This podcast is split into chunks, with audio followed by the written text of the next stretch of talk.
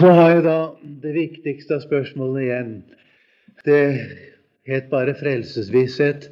Men det som ligger bakom, er naturlig hvordan får jeg frelsesvisshet? Det er underlig hvor mange som går med det. Jeg kunne ha lyst til å bruke et bilde først. Sett at du skulle ut på en viktig reise. Hvordan skulle du få visshet om når toget gikk? Hva ville du gjøre for å bli sikker på at du skulle komme i rett tid til det toget?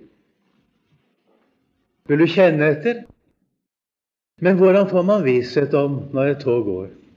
Jo, ved å se efter på rette sted. Og det vil da i dette tilfellet si en rutetabell, en rutebok, hvor den riktige avgangstid står. Når det gjelder den, det å være en kristen, så har vi det med å synes og føle. Jeg kan da ikke være noe Guds barn slik som jeg er, for jeg er helt umulig. Ikke har jeg opplevelser nok, og jeg er full av synd og elendighet. Jeg kan da umulig være et Guds barn sånn som jeg er. Jeg føler ingen frelsesvisshet. Skulle lyst til å spørre deg hvem har sagt at du skal føle den? Hvor kommer frelsesvissheten hen? Ja, du kan se det selv. Det står i Romer 8, 15-16. I fikk jo ikke trelldommens ånd, så jeg at det skulle frykte. Men jeg fikk barnekårets ånd, ved hvilken vi roper Abba, Far. Ånden selv vitner med vår ånd at vi er Guds barn. Først står det 'I fikk jo ikke trelldommens ånd'. Hva er nå det for noe? Trelldommens ånd. Det er en ånd som skaper trelldom, og som består i trelldom. Og den er omtrent sånn Kan jeg være en kristen slik som jeg er nå? Det er trelldommens ånd. Hva skal jeg gjøre for å være et Guds barn? Det er trelldommens ånd. Man tenker det er noe jeg må være eller gjøre eller føle eller oppleve. Man setter opp en betingelse det er noe jeg må være. Det er noe jeg må ha opplevd. Det er et eller annet. Og hvis jeg nå hadde det og var det og visste det og opplevde det, så skulle jeg tro at jeg var Guds barn. Det er trelldommens ånd. Og nå står det 'i fikk jo ikke trelldommens ånd'. Den ånd har du ikke fått. Den er ikke fra Gud. Men den ser ut sånn og føles sånn.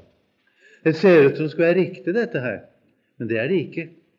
Den ånd, den sitter i ditt gamle menneske. Du ser på deg selv, du ser på dine opplevelser, og du kan da skjønne at når du ser på din opplevelse, ser du bare mangel på opplevelser. Og når du ser på din tro, ser du bare mangel på tro.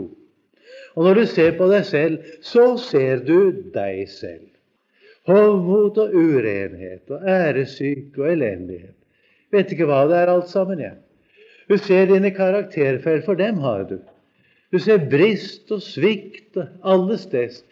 Det ser du når du ser på deg selv og har med Gud å gjøre.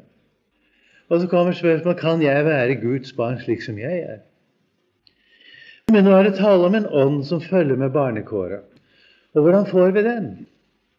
Vi får den ved å sette vår lit til Jesus, forstår du. Og La oss nå se det ånden selv vitner med vår ånd, står det i vers 16, at vi er Guds barn. Det er to vitnesbyrd. Det er et vitnesbyrd av Guds ånd som vitner sammen med et vitnesbyrd av vår egen ånd om at vi er Guds barn.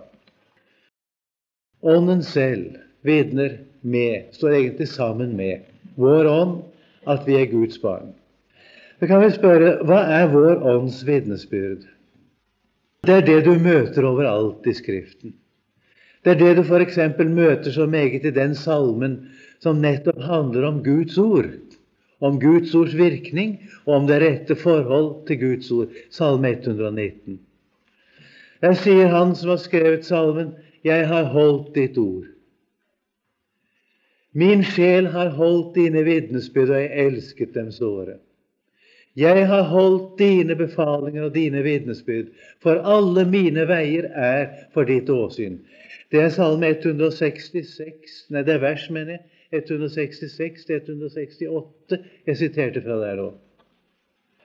Jeg har holdt ditt ord. Hvordan kan han si det? Det betyr ikke at han holder mål for Gud etter loven.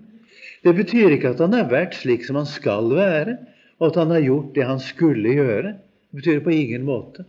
Og det ser du da til fulle når du leser gjennom den salmen. Se bare på det siste verset. Jeg har faret vill, oppsøkt din tjener som et tapt får, for jeg har ikke glemt dine bud. Han som skriver salmen, han vet med seg selv han kan ikke svare Gud regnskap, ikke på et eneste punkt. Men det er en ting han vet allikevel. Han vet 'Jeg tar ditt ord til mitt hjerte', og det er det han mener. Jeg har holdt ditt ord. Det betyr egentlig etter grunnteksten 'Jeg tar ditt ord til meg'. Jeg tar det til meg som jeg tar til meg verdisaker som jeg gjerne vil ha, fordi jeg anser dem for å være verdifulle for meg. Det ordet er brukt. Jeg tar ditt ord til meg. Jeg har holdt dine befalinger og dine vitnesbyrd. Det er samme der også. Og så se på begrunnelsen. For, sier han, alle mine veier er for ditt åsyn. Det er en instans inni oss. Det kalles samvittigheten i Guds ord. Og i Bibelen betyr samvittighet det som et menneske vet med seg selv for Guds ansikt. Det er samvittighet. Det kalles hjerte. Det kalles vår ånd. Det kalles vår ånds vitnesbyrd. Det kalles mine ben. Der er ingen fred i mine ben, sier David. Og som natten minner mine nyrer meg om det. Det kalles nyrer også. Det er noe inni oss som sier fra. Hvis vi står Gud imot, så vet vi det.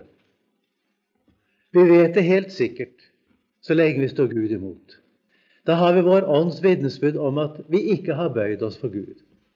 Og da nytter det ikke å snakke om frelsesvisshet. Men fra det øyeblikk av et menneske har bøyd seg for Gud, så vet han det.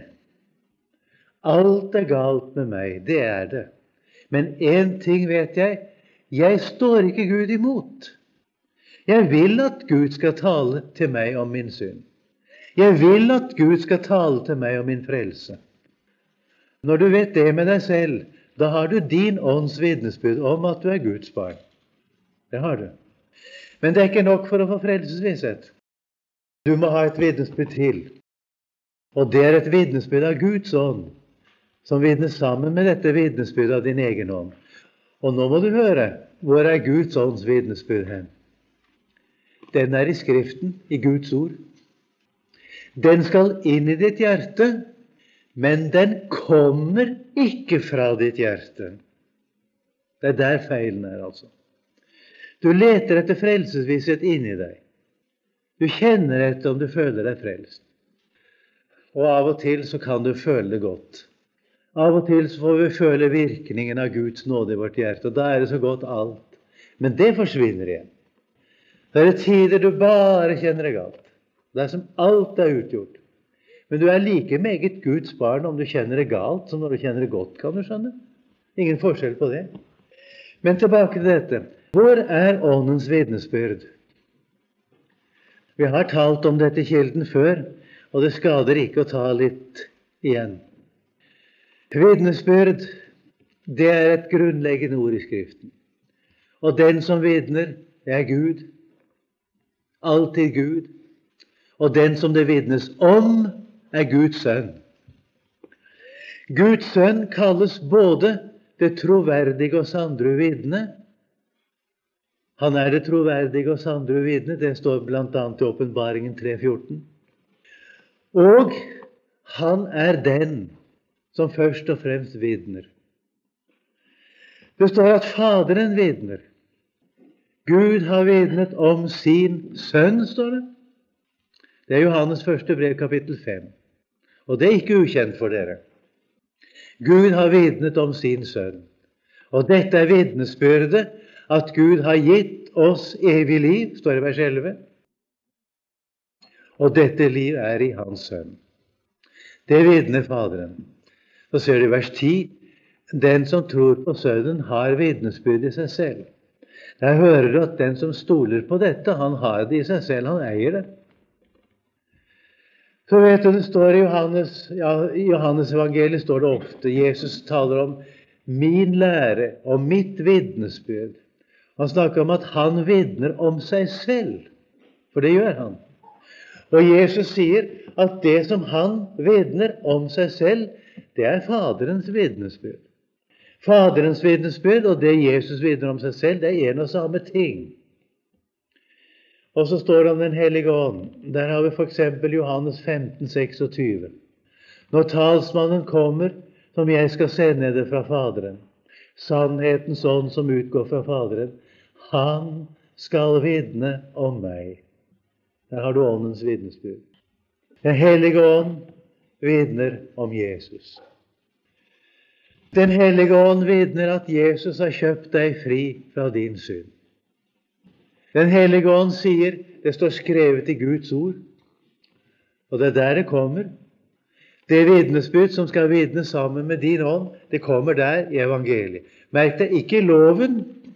Loven er også Guds ord, men det er ikke der ordet om frelsen kommer. Loven har fått en dødens tjeneste og en fordømmelsens tjeneste, sier Guds ord. Den skal avsløre oss, tukte oss, døde oss og dømme oss. Og det fortsetter den med å gjøre. Det er også Guds ånds gjerning. Men Åndens vitnesbyrd om at vi hører Gud til, det kommer gjennom ordet om Jesus. Prøv å tenke deg nå at Jesus sto her inne i legemlig skikkelse og sier til deg fordi du er slik som du er, så har jeg frelst deg. Jeg har tatt på meg hele ansvaret for deg. Og fordi du nå har tatt din tilflukt til meg, så hører du meg til. Hva ville du svart på det? Ja, sier du, hvis Jesus sto her og sa det. Ja, men han gjør det. Det står i Bibelen. Det er det han sier. Så siterte jeg det med noen alminnelige, hverdagslige ord, slik som vi snakker. Men det er det som er innholdet i evangeliet. Jeg har frelst deg. Jeg har utslettet ditt skyldbrev. Jeg har betalt for deg. Jeg har kvittert for din synd. Den er oppe avgjort. Det har jeg ordnet. Du som har vendt deg til meg, du skal vite at fordi har, det er meg du kommer til, så er du frelst. Du er fri. Du har evig liv fordi du kom til meg. Det er dette ordet som skaper visshet om frelse. Men du må se etter der det står. Det nytter ikke å slå opp i hytt og vær når du skal finne ut hvor et tog går. Du må se der hvor det, den opplysningen fins. Sånn er det her også. Men dette er noe meget mer enn en togtabell. Dette er Guds ord. Du må se etter der hvor Åndens vitnesbyrd fins, for at Åndens vitnesbyrd skal vitne sammen med din ånd om at du er Guds barn. Skjønner du nå? Du kan vite det 100% sikkert at du er Guds barn, fordi det står skrevet. Det er, jeg sammenfatter til slutt i det. Det er tre ting som vi må tro. Og to av dem må vi tro på. Men det er tre ting vi må tro. For det første må vi tro alt det som Guds ord sier om oss. Og Guds ord sier om oss at det er ikke noe gudsfrykt i oss, at det er ingen evne til gudsfrykt i oss, Guds ord sier at ikke engang Gud kunne gjøre noe ut av oss. Det sier Guds ord. Hvis ikke jeg tror det, så får jeg ikke noe hjelp av evangeliet. Guds ord sier om meg at jeg er akkurat slik som jeg er, og enda mye verre enn jeg selv ser at jeg er. Det sier Guds ord om meg. Og det stoler jeg på at det er sant, det. Det andre jeg må tro, og det må jeg også tro på, sette min lit til, det er alt det som Guds ord sier om Jesus. Han har frelst meg fra alle mine synder. Han døde i mitt sted. Han sonet min synd med sitt blod. Han tok den bort. Han har gjort alt det jeg skulle ha gjort, men ikke kan. Han oppfylte hele loven i mitt sted. Det kalles ens rettferdige gjerning til livsens rettferdiggjørelse for alle mennesker i Romerne 5,18. Det var det andre. Men så er det en ting til som jeg både må tro og sette min lit til, tro på. Det er det Gud sier om dem som tar sin tilflukt til ordet om Jesus. Den som tror på Sønnen, har evig liv, står det. På Sønnen. Må du ikke bli opptatt med troen, men Sønnen. Den som tror på Sønnen, har evig liv. Den som kommer til meg, og der ligger ordet på vekten på meg, den som kommer til meg, vil ingenlunde støte ut. Og det står alltid en uttid. Vi kommer hver dag til Jesus. Vi er aldri ferdig med å komme. Gud sier at den som tar sin tilflukt til Jesus, har evig liv. Det må jeg også sette min lit til. Og hvem skal jeg tro hvis jeg ikke skal tro Gud i disse spørsmål? Frelsesvisheten kommer ved at jeg tror det Gud sier, og holder meg til det, og ikke syns, ikke føler, ikke tenker. Her er en innvending som kommer så ofte når jeg snakker med ærlige sjeler. sjeler. Ja, men jeg syns, sier det. Og så sier jeg av og til kan du ikke slutte å holde på med dette syns. Jeg er lei av å høre at du syns. Ingen som spør om hva du syns. Det er noe som står skrevet